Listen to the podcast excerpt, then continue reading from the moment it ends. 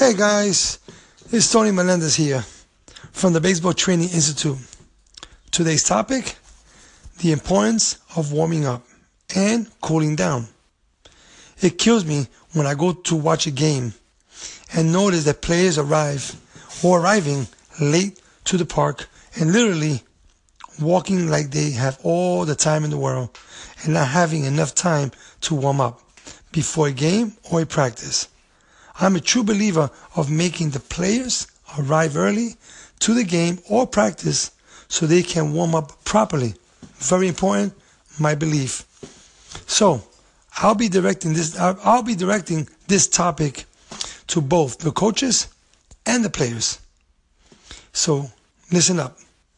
Warm up. Upon arriving at the park or to the park, warming up is a must. The warm up prepares you and your players for more intense activity. A good warm up can increase you or your players' activity by 17% to 28%.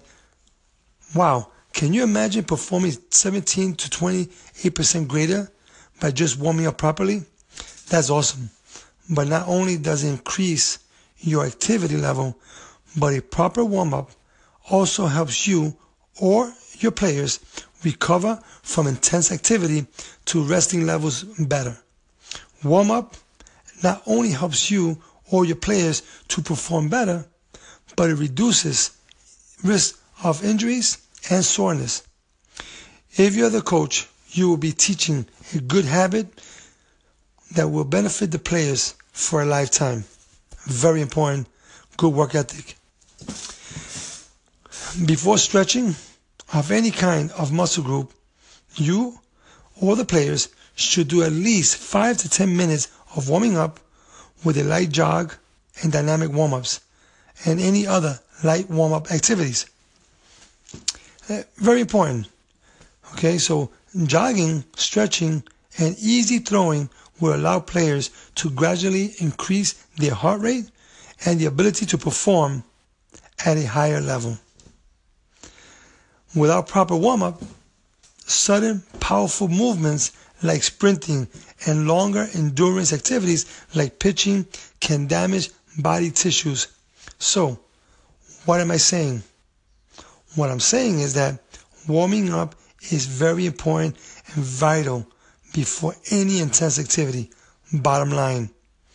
That's the bottom line. Warming up, very important.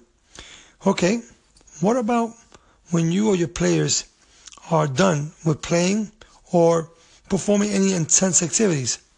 Then a cool down is needed. Very, very important. Cool down is very important here. Uh, while stressing on how important the warm up can be, the cool down is just as important, if not more important, than, than warming up, I would say. When gradually decreasing the, and playing uh, and or training intensity, jogging and stretching at the end of a game or practice can help you or your players recover. Ideally, you or the players should plan to spend a minimum of 5 to 10 minutes of warming up and at least 5 to 10 minutes of cooling down. Uh, this is um, very important. Uh, the best way to cool down will be a light jog and stretch after a game or practice. This is when you or your players perform static stretching. That will be holding a stretching position for various seconds. Um, hope you like the information I'm sharing here. This is Tony Melendez from the Baseball Training Institute. Um, I will wishing you a great season, a safe one, injury free. And don't forget to warm up and cool down. Very important and vital. God bless. Bye. Hey guys, it's Tony Melendez here from the Baseball Training Institute.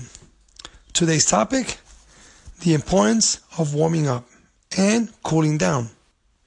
It kills me when I go to watch a game and notice that players arrive or arriving late to the park and literally walking like they have all the time in the world and not having enough time to warm up before a game or a practice. I'm a true believer of making the players arrive early to the game or practice so they can warm up properly. Very important, my belief.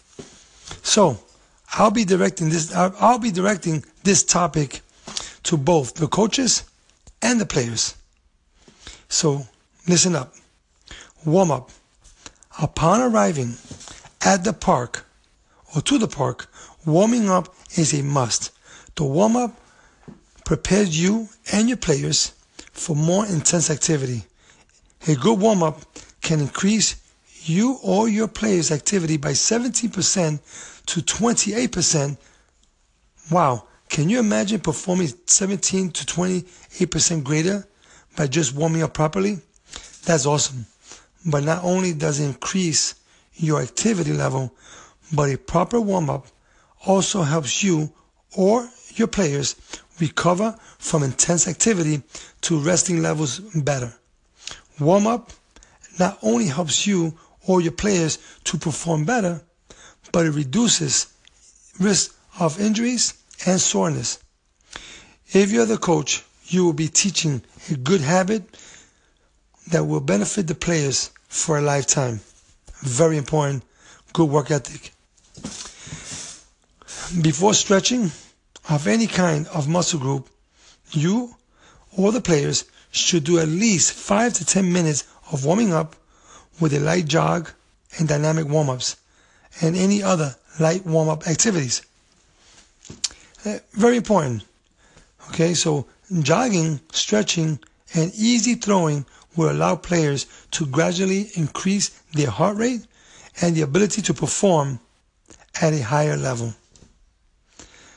Without proper warm up, sudden, powerful movements like sprinting and longer endurance activities like pitching can damage body tissues. So, what am I saying? What I'm saying is that warming up is very important and vital before any intense activity. Bottom line. That's the bottom line. Warming up, very important. Okay, what about when you or your players are done with playing or performing any intense activities? Then a cool down is needed. Very, very important. Cool down is very important here. Uh, while stressing on how important the warm up can be, the cool down is just as important, if not more important, than, than warming up, I would say. When gradually decreasing the, and playing uh, and or training intensity, jogging and stretching at the end of a game or practice can help you or your players recover. Ideally, you or the players should plan to spend a minimum of 5 to 10 minutes of warming up and at least 5 to 10 minutes of cooling down. Uh, this is um, very important. Uh, the best way to cool down will be a light jog and stretch after a game or practice. This is when you or your players perform static stretching. That will be holding a stretching position for various seconds. Um, hope you like the information I'm sharing here. This is Tony Melendez from the Baseball Training Institute. Um, I will wishing you a great season, a safe one, injury free.